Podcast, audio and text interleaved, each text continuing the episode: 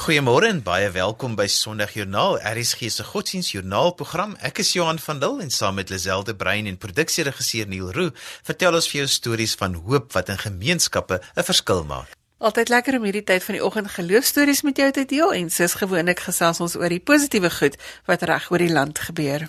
Ons gaste vanoggend is Dr Barry Tolmey en hy is die moderator van die NG Kerk in KwaZulu-Natal. Dominee Karel Swart gesels oor ekologiese sake en Dominee Martin Swart van die Pretoria Geloofsgemeenskap gesels oor verskillende seisoene van 'n mens se lewe. Dominee Martin sê jy se week of 2 gelede hieroor gepreek op RSG se oggenddiens en ons wil graag hierdie onderwerp weer aanraak. Gilma het op die eerste skooldag die tuinier Bernard Abrams raak geloop op die skoolgrond en ons hoor wat sê hy oor tuinmaak. As jy verslaap het soos wat Chris in Duitsland gereeld vir ons laat weet dat hy te laat wakker geword het, hoef jy niks mis te loop nie want Sondagjoernaal is na die afloop van die program as 'n potgooi beskikbaar. Jy kan gaan kyk by RSG se webwerf waar daar terloops ook ander inligting is oor RSG se programme by rsg.co.za. Wanneer jy op die webwerf is, gaan soek sommer by gehoor op lig vir Sondagjoernaal en kies dan die datum van die program wat jy graag wil aflaai. Behalwe vir die potgooi is daar ook kontakdetail, fotos en video's wat Herman ons webmeester vir ons daar laai. En as jy die DStv het, sal jy ons ook kry op audiokanaal 813 en al ons detail is ook op Sondagjoernaal se Facebook bladsy.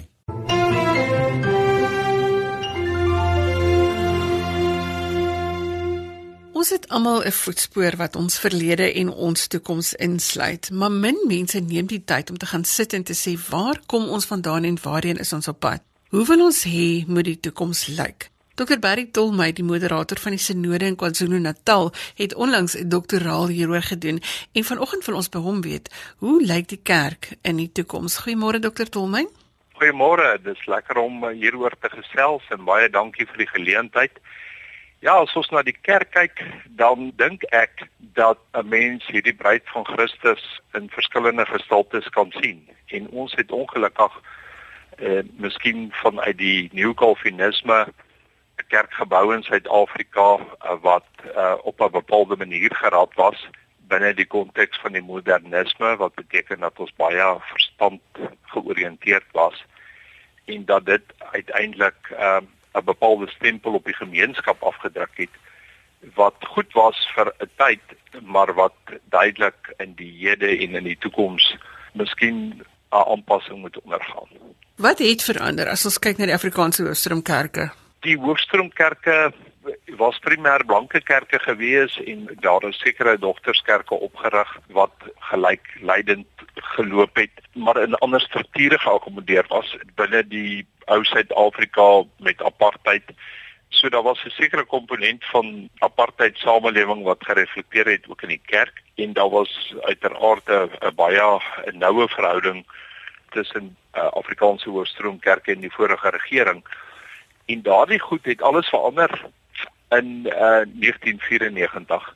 En dit beteken dat 'n mens nuwe keuses moet maak in terme van die samelewing waarin jy leef en ek dink uh, jy kan baie moeilik met 'n uh, staatkundige bedeling van 'n liberale demokrasie aan die een kant sit en aan die ander kant nog met hierdie ou strukture uh, en ou denkpatrone in die 21ste eeu as kerk funksioneer. Is daar iets wat ons kan doen om die huidige stand van sake prakties te verbeter, Dr. Tolmey? Definitief, ek glo dat wat ons almal graag wil doen en die Afrikaner uh, is so fiks daarin is om net die bepaalde strukture te vat en te sê hoe kan ons met tegniese veranderinge net so klein bietjie darm aanvaarbaar maak. As ons egter as kinders van van Christus nie wil dink in die 21ste eeu oor oor sy bruid en besef dis nie ons strukture nie maar syne, dan beteken dit dat ons uh weg van tegniese veranderinge uh, moet oorbeweeg uh na aanpasbare veranderinge. Nou aanpasbare veranderinge is diep fundamentele veranderinge waarin 'n mens uh dan in 'n sekere sin na die samelewing moet kyk wat die behoeftes is en uh, op 'n praktiese vlak gaan en uh, as ware 'n nuwe uh, voertuie moet ontwerp van kerk kerk wees. So waar ons uh, nou baie binne gekeer was uh, en baie sterk uh, 'n fokus op ons eie lidmate gehad het, dink ek het die 2013 sinode van die uh, NG Kerk in Port Elizabeth uh, gesê maar ons is inherënt ons DNA is 'n missionêre kerk en hierdie missionaliteit moet nou op verskillende maniere na buite gerig wees. So ons is as ware amper met 'n uh, 'n basiskamp soos wat die mense in die weermag uh, te doen het het jy uh, jou gemeentes en van daar af moet mense uitgaan in die wêreld gaan verander en dis heeltemal in lyn met dit wat die Bybel ook vir ons sê. Ek wonder of dit nie juist daai fundamentele verandering is waar die mense so mee sukkel om te sê maar jy raak nou aan die pilare van my geloof nie. Nee, definitief. Kyk, uh, ons godsdiens en ons sosiale leefwyse as Afrikaner is uh, baie diep aan mekaar gekoppel en 'n mens kan as ware nie die sosiologiese omgewing die manier hoe ons dink losmaak van ons geloof nie. Daarom het die hervormde kerk byvoorbeeld um, al die jare baie sterk vasgehou aan die volkskerk gedagte en was die ander susterskerke um, eintlik maar ipso facto ook volkskerke gewees. So uh, die moment as ons as ware bietjie sê dat ons sosiologies heeltemal kan anders te dink en anders te beweeg maar dat in terme van ons geloof eh, soos wat dit in die Bybel opgeteken is uh, as deur die gees van Christus dan beteken dit daardie is die fundamentele goed maar al hierdie ander goed wat wat, wat eintlik uh, bygekom het in die kultuur kan definitief verander daar's niks in die Bybel wat vir ons sê ons moet daai ou kultuurgewoontes en gebruike moet ons uh, vir altyd uh, vashou nie So is daar hoop vir die toekoms. Hoe gaan ons hierdie verandering teweegbring? Ek is absoluut optimisties dat Jesus Christus in hierdie dae vir ons nuwe wyse gee op praktiese maniere. Uh, ons sal moet uh, wegkom vanuit ons selfgerigtheid en soos ek die Bybel ook lees is daar baie weerstand daarteenoor maar uh, selfgerigtheid is sonde en dat ons op grond daarvan grense sal oorsteek en miskien uh, bereid sal wees om onder leiding van uh, die Here nie te gaan kyk oor wat is die uh, fundamentele beginsels in die skrif in terme van kerk kerkwees en dan gaan ons verras wees om te sien hoeveel hoop daar in daardie proses na ons kom gaan ons as ware in hoop wat van God afkom nie uit onsself uit nie in hierdie hoop die toekoms kan omhels en kan ons verras wees met die uitkomste. Ek is baie positief. Ek glo dat ons uh ook in die hoofstroomkerke nuwe bewegings aan die gang kan sit. Uh Dr Michael Moynag kom nou vir 'n maand uh van Oxford Universiteit af om ons uh oral seminare te kom aanbied en vir ons in die kerk in KZN ook te kom begelei in terme van die praktyk van van die fresh expression beweging. So dit bring vir my geweldig baie hoop en as ons bereid is om 'n klomp van hierdie sake wat as ware van die kant af ingekom het in ons geloof so bietjie ter besoek gaan ons sien hoe God regtig sy bruid weer nuut laat leef in die 21ste eeu. Ek vir Tom my baie dankie vir jou perspektief vanoggend. Baie baie dankie. Dit is aangenaam om hier oor te praat en ek sal graag hierdie gesprekke wil voortsit. Lisel het gesels met Dr Barry Tolmey, die moderator van die NG Kerk in KwaZulu-Natal, oor hoe die kerk in die toekoms gaan lyk. Goeiemôre as jy sopas ingeskakel het. Jy luister na Sondag Joernaal saam met Johan en Lisel en Neil is ons tegniese regisseur. RSG se webblad is die plek waar jy inligting kan kry by rsg.co.za en jy kan ook aansluit op ons sosiale media gemeenskap op Facebook. Like die bladsy en al ons programinligting is ook daar gelaai. Onthou Sondag Joernaal skryf ons daar met 'n koppelteken. Anet Gerber vra op daai SMS lyn of jou pa dalk 'n kwaai onderwyser in Oos-London is, Johan. Toe nou nie Anet, Johan het in 'n pastorie groot geword van Reinsdorp. Sy pa was die skrywer Dominee Gert van Lille en dit antwoord sommer ook al die ander vrae of jy David van Lille se seun is. Helaas is ek nie David van Lille se seun nie. Henry van Randfontein gesels ook saam na aanleiding van ons gesprek verlede week oor dowe gemeentes. Hy sê daar is nie naby Randfontein enige dowe kerke nie, so ons hoop iemand luister en help om daardie probleem daar op te los. Gilma het op die eerste skooldag met die tuinier Bernard Abrams kennis gemaak. Ons gaan hoor hoe Bernard oor tuin maak en oor sy geloof dink.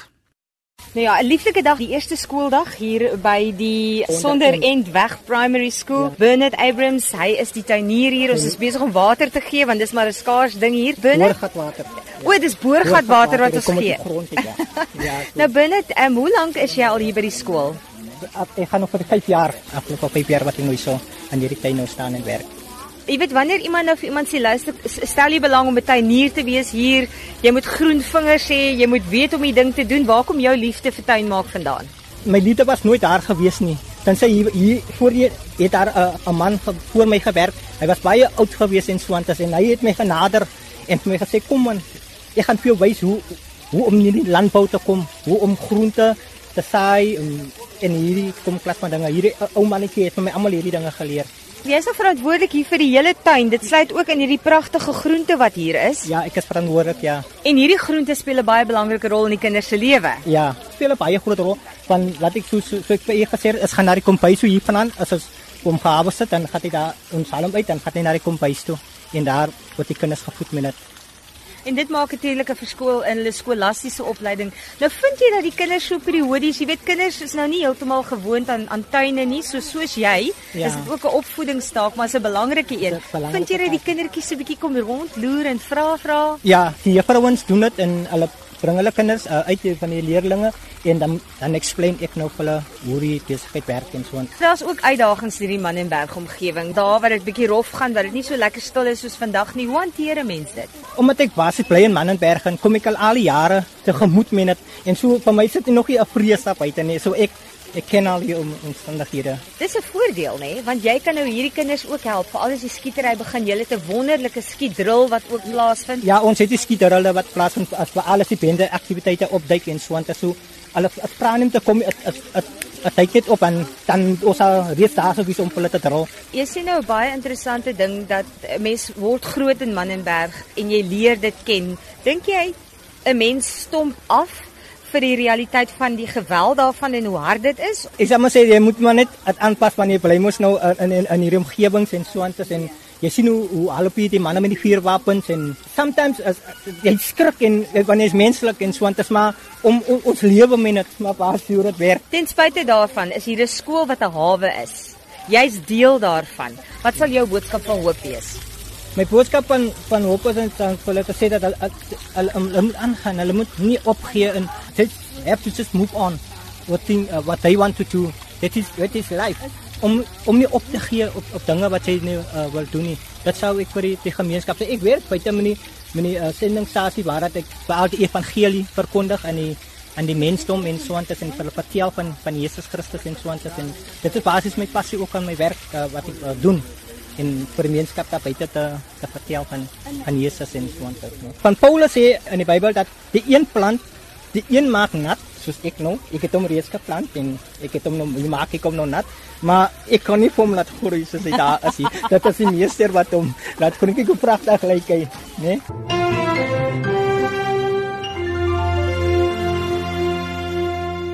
En so gesels Bernard Abrams oor die groot tuinier. In die Wes-Kaap en dalk Kaapstad se voorstede meer spesifiek is ons terdee bewus van die invloed van geen water op ons tuine en ons huise se normale funksionering.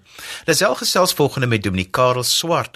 Met die waterkrisis in die Wes-Kaap en ook ander streke soos die Noord en die Oos-Kaap en die Karoo, kan ons nie anders as om te praat oor ons verantwoordelikheid om die aarde met respek te behandel nie. Ons moet in die oomblik bewus wees van grond en water en suurstof en alles wat ons aan die lewe hou. Ons gesels vanoggend met Dominee Karel Swart wat gaan aftree in Kleinmond, maar soos ons nou al verskeie kere by verskeie mense gehoor het, is aftree maar net 'n verskywing van die fokus. Klink dit vir my? Goeiemôre Karel. Môre Lisel. Dalk net eers 'n bietjie agtergrond. Jy was lank verbonde aan Badisa hier in die Wes-Kaap. Ja, ek was uh, van die stigting van Badisa betrokke en ek het daar 'n verantwoordelikheid gehad rondom die bemarking van die organisasie. Ehm um, soos die luisteraars waarskynlik weet, is Badisa die uh, Wes- en Suid-Kaap van die NG Kerk en die VGK Kaapland se diens van barmhartigheid. Om terug te kom na my inleiding Karel, waarom moet die geloofsgemeenskap en daarmee bedoel ek individue en die leierskapstruktuur van die kerk betrokke wees by die sorg van die aarde? Aan die een kant kan ons kyk na die toestand van die aarde En dan sal ek ook net 'n bietjie wil kyk na wat sê die skrif Ek lees onlangs in die ehm um, WWF se uh, jongste verslag oor die uh, toestand van die aarde praat hulle dat 36% van die visspesies uh sê dat um, 1970 en 2012 vernietig is. 81% van uh, lewe in varswater is in dieselfde tydperk vernietig. As ons maar net dink aan die vernietiging van die habitat en ook ehm um, die vernietiging van biodiversiteit ehm um, kan ons nie anders as om te sê dat die aarde is in 'n krisis. Soos jy in jou inleiding genoem het, die Weskaap um, se water gaan binnekort afgesny word. Ehm um, in ander dele van die land beleef dit ook so. Uh, mense kan maar net sê die die aarde kry op die oomblik swaar as gevolg van klimaatsverandering en by ander um, sake. En dit is dis grootendeels veroorsaak maar deur die mens um, se se manier hoe ons met die aarde omgaan. Dis die oor die toestand van die aarde.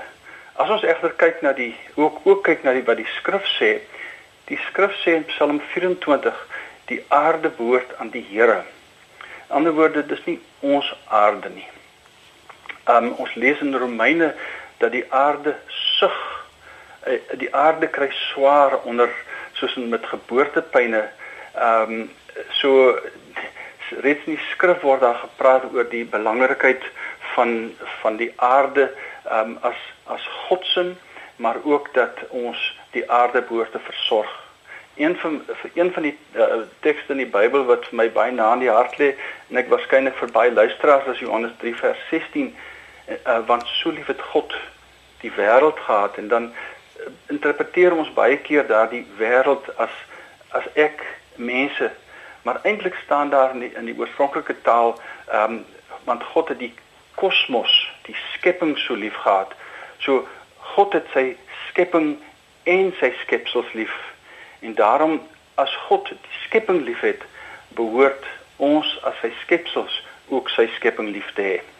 As ek net verder kan noem, die kerke praat al lank oor ehm um, aardesorg uh of die afgelope tyd oor aardesorg Ek dink terug in in 2010 was daar in Kaapstad 'n baie groot byeenkoms van oor die 4000 kerkleiers uit evangeliese kerke wat ehm um, in Kaapstad vergader het en waar hulle uh, eintlik 'n besluit geneem het waar hulle gesê het ehm um, Jesus is die Here nie net van die mense nie maar oor die hele skepping en hulle het gesê die die ehm um, aarde sorg is 'n kernsaak uh vir vir die evangelie binne die heerskappy van Christus. In 2015 um, het die paus van die um, Katolieke Kerk 'n baie belangrike dokument die lig laat sien met die titel Laudate Si wat beteken lof aan U my Heer waar hy 'n hele ensikliek uh, gepubliseer het oor die sorg van ons gemeenskaplike tuiste waar hy sy besorgdheid uitgespreek het oor die toestand van die aarde en uh, eintlik vir 'n dialoog gevra, um, nie net met met kerkleiers nie, maar juis met eintlik met alle mense in die wêreld om te sê die aarde ly onder die druk wat ons daarop plaas. Temikarel, is daar voorbeelde van geloofsgemeenskappe wat wel betrokke is by aardesorg? Ja, Lisel, ehm um, party op klein skaal, ander op groot skaal. Ek dink maar terug aan een van die Bandisa programme wat in die Suid-Kaap tydens 'n droogte daar water wat uit die warmkrane uitgeloop het. Aanvanklik het mense dit maar net laat wegloop. Hulle het begin die die koue water bymekaar maak om dit vir ander doeleindes te gebruik. Ook die gebruik van grijswater. Maar as ek net bietjie praat oor oor groter projekte, ek dink aan ehm, 'n um, projek in Kenia in die inheemse kuswoud wat deur die plaaslike um, inwoners beskadig is en uh, vernietig word het 'n organisasie met die naam Rosha betrokke geraak en hulle het met opvoeding uh, werk begin om vir die plaaslike gemeenskap op die ou end ehm uh, sover te kry dat hulle nie die bos uh, vernietig nie maar die jong mense betrokke te kry by omgewingsopvoeding en ook vir hulle te help om verder skool te gaan. As een voorbeeld in die suide van Portugal is daar 30 jaar gelede ontdek dat een van die belangrike vlei lande waar uh die trekvoels uh, die waatvoels deurtrek wanneer hulle of van suid na noord of van noord na suid trek het 'n groepie Christene die grond oorgeneem en bewaar sodat die vlei land versorg kon word eh, of beskerm kon word. Nader plaaslik is ek betrokke by Arusha Suid-Afrika en ons is betrokke uh, besig om die Kuilsrivier in die Wes-Kaap te versorg. Die Kuilsrivier is een van die langste riviere en eintlik 'n baie belangrike rivier in die Wes-Kaap en ons probeer kerke betrokke kry om te help om die plek te, om die rivier te rehabiliteer. Ek verstaan in Februarie gaan daar 'n konferensie oor aardesorg wees. Die die titel is Aardesorg in die Evangelie en dit gaan in Pietermaritzburg gehou word. Wat gaan daar gebeur? Wat is die doel van die konferensie? Die konferensie uh, word onder beskerming van Lausanne organisasie gereël en die tema is uh, Christus heer oor die ganse skepping. Ons gaan oor die week wat ons bymekaar gaan wees, gaan ons praat oor drie groot temas. Um in die eerste plek God se woord waar ons gaan nadink oor wat sê die die Bybel vir ons oor die sorg vir die aarde. Daar gaan uh, Ou Testamentiese wees, 'n Nuwe Testamentiese wat met ons gaan praat daaroor. Tweede tema gaan wees God se wêreld. Ehm um, dit is wat is die toestand van die aarde. Ons gaan wetenskaplikes kry wat gaan kom praat oor klimaatsverandering, ehm um, besoedeling en die pro problematiek in die in, in die see. En die derde tema is God se werk um, juis om te praat oor wat kan wat kan kerke en Christene prakties doen en ons gaan kyk na ehm um, voorbeelde van mense wat reeds betrokke is by verskillende praktyke. Tommy Karel, ons het nog gister gesels oor in die Weskaap is almal besig met ekstreme maniere om water te spaar om voorsorg te tref dat reënwater nie wegvloei nie. Ehm um, verskillende dinge word by mense se huise gedoen. Dit ons het vir mekaar gesê as almal in Suid-Afrika dit net kan doen om te leef soos wat ons nou leef, sal dit 'n groot impak hê op die waterverbruik. Ehm um, Lisel, ek dink as 'n mens almal net 'n klein bietjie uh, water wil begin bespaar en versigtiger werk, ehm um, sal dit 'n groot verskil maak. Ek het toevallig oor die vakansietyd na my eie watergebruik ehm um, tussen 2016 en 2017 gekyk en ehm um, net deur 'n watertank op te sit en grijswater beter te gebruik uh nie my tuin met uh munisipale water te gebruik nie is my watergebruik oor 'n 12 maande periode met 27% gesny. So dit maak 'n groot verskil. Ek dink ons moet nie net die Kaapenaars laat daarop let nie, maar reg oor die land kan mense dieselfde voorsorg tref. Tommy Karel, net voordat ons groet, ons het 'n uh, uh, rukkie gelede gesels met uh, Petrus of jou ek dink sy nee, sy naam is Jakobus, is dit nie? Jakobus van der Linden. Ja, okay, goed.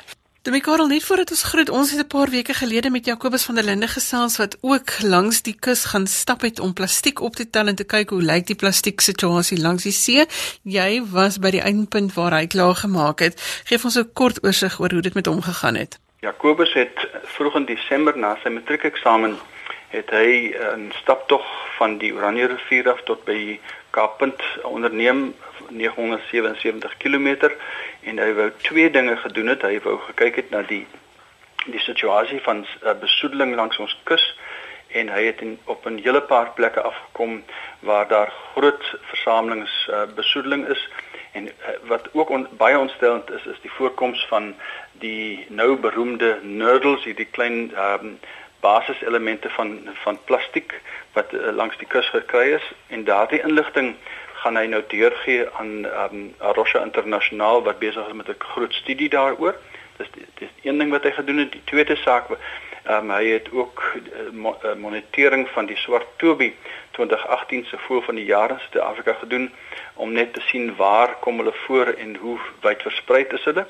Ehm um, sy pa het my vertel dat uh, die wonder van die stap was dat Jakobus het nie eendag gekla oor die groot afstande wat hy moes stap nie en 'n groot skare van omtrent 70 uh, familielede en vriende en ondersteuners het hom by die eindpunt ontmoet sodat dit baie goed gegaan. Baie dankie Lisel. Dit Karel baie dankie vir die inligting wat jy hier gegee het. As iemand wil weet van die konferensie, waar sal hulle kan inligting kry? Hulle kan uh, e-pos stuur aan um, info by arosha a r o c h a.org.za of hulle kan ons webtuiste besoek. Dit is www arosha.org.za. Dominique Robai, dankie vir jou saamgesels vanoggend. Baie dankie Lisel en mooi dag vir jou. Lisel het gesels met Dominique Karel Swart van Arosha Suid-Afrika. Die webwerf waar jy meer inligting kan kry oor die gesprekke in Pietermaritzburg is arosha.org.za en jy spel dit A R O C H A.org.za of jy kan 'n e-pos stuur aan info@arosha.org.za. Demi Martin Swart is van die NG Gemeente Pretoria en vanoggend gesels ons oor die Godgegewe seisoene wat ons in ons lewe het. Goeiemôre Demi Martins. Môre Lisel.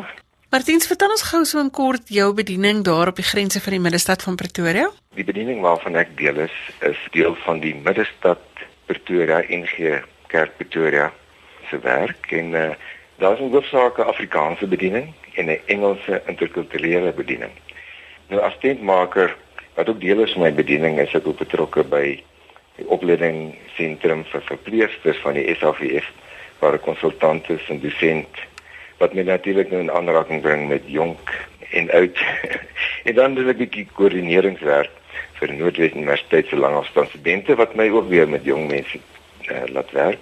Maar ek uh, probeer op hierdie stadium in hierdie seisoen van my lewe probeer ek uh, al meer my toespits op uh, die ouer lidmate. Die ouer gelowiges in ons midde. Ek vermoed jy moes al afgetree het, maar soos wat ons nou in verlede week se program gesê het, aftree is blykbaar nou nie meer 'n opsie nie. Maar ons gesels nou vandag oor die seisoene van jou lewe. Januarie is op sy rug en ons kan nou nie eintlik meer sê ons staan aan die begin van die jaar nie, maar die jaar lê eintlik nou nog voor ons uitgestrek. Hoe sal ons die seisoene van ons lewe beskryf? Dit ja, is, is ek uh, kyk na Prediker 3. Die eerste verse daar sal jy sien as jy in verskillende vertalings lees dat dit eintlik sê elke ding het sy seisoen. Elke ding in hierdie wêreld het sy tyd.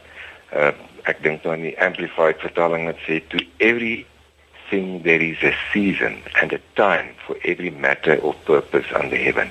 So die seisoene is God gegeewe tydperke. Dit kan 6 maande wees, dit kan 6 jaar wees. Uh Prediker lê nogal klem op die stikkenheid en die sinneloosheid en die doelloosheid van baie dinge in hierdie gebroke wêreld, maar wat telke maal in Prediker na vore kom is, midde in dit kom God vir sy mense spesifieke sinvolle tydperke gee waarin hy sekere doelstellings in gedagte het wat ons lewe vul eintlik met sin. So die dag waarin ek vandag leef is deel van 'n seisoen. Dis nie maar net ek het ek is gebore en groot geword en word ek oud nie. Hierdie is 'n spesifieke tydperk. Ek weet nie hoe lank gaan hy wees nie, waarin ek nou is. En dis 'n godgegewe tydperk, 'n seisoen waarin uh, die Here spesifieke dinge in gedagte het vir my.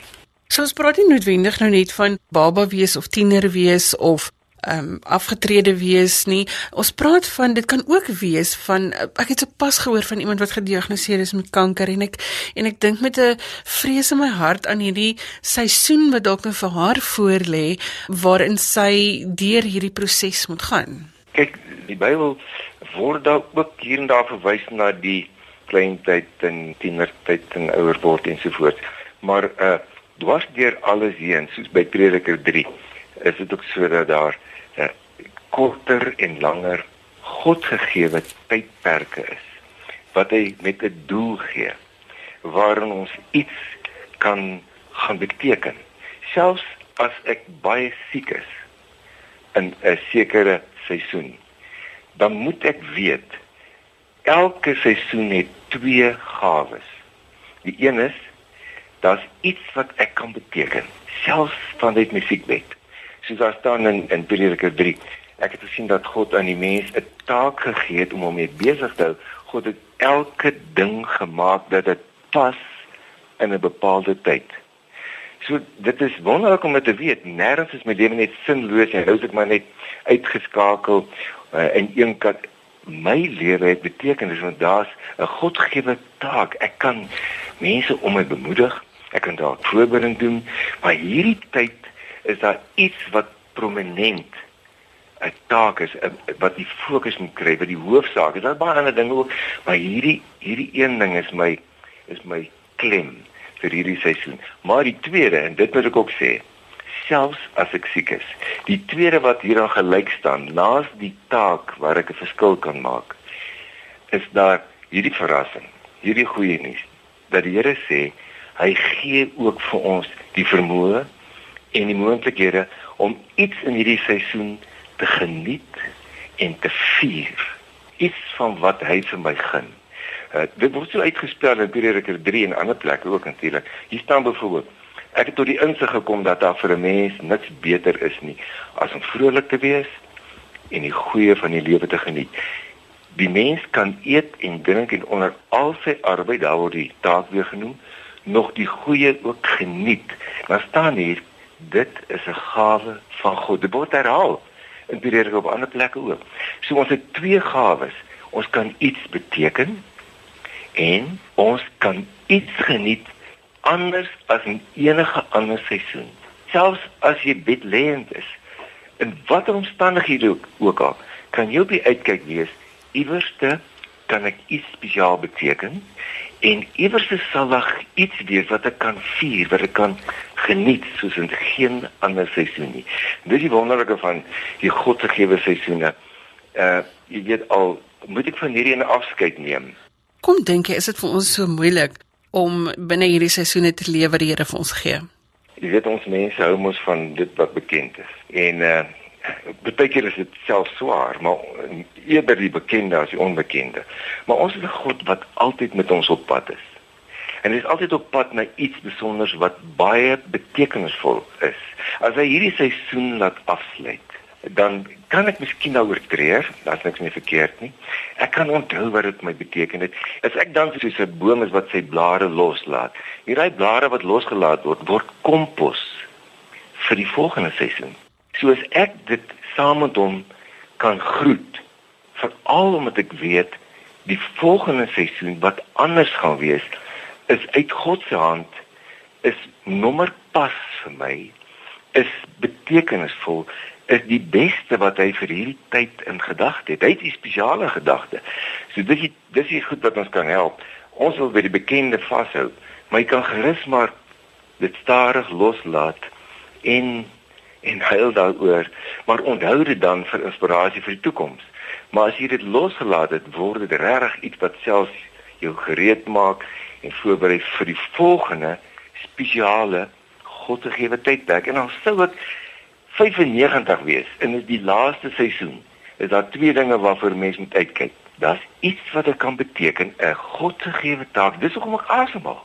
Hy gaan nie sommer net mense laat lewe nie. Hy hy hy gee vir my 'n tydperk waar ek iets kan beteken. En die tweede ek wil beklemtoon, ek het dit eers later in my lewe besef. Die tweede wat hieraan gelyk staan. Hy wil vir my dinge gee wat ek kan geniet en waardeer en vier soos in geen ander seisoen nie. Selfs as ek 95 is, wees op die uitkyk daarvoor. En dis ons lewe sinvol bly. Ons gryp aan wat God ons gun vir elke spesiale tyd. Martin sê sy sulke mooi goeders en sulke groot goed wat ek dink ons seker maklik 'n halfuur oor kan praat. Maar sê vir ons, hoe gaan ons nou 2018 aanpak en met dit wat jy nou vir ons gesê het, hierdie seisoen waarin ons nou is, dit waarna ons moet kyk. Hoe gaan ons 2018 nou vir onsself leefbaar maak? En dis ja, die eerste ding is dis die goeie nuus. Ek kan met 'n afwagting. Maak nie saak wat om ons gebeur nie. Kan met 'n positiewe afwagting jaar ingaan want as ek lewe, is dit deel van 'n godgegewe seisoen. Daar's iewers iets wat ek spesiaal kan beteken vir ander. En daar sal dit wees wat ek kan vier en kan geniet. Nou God weet hierdie goed reeds. En hy sal my nie dit wat per ongeluk laat mis nie.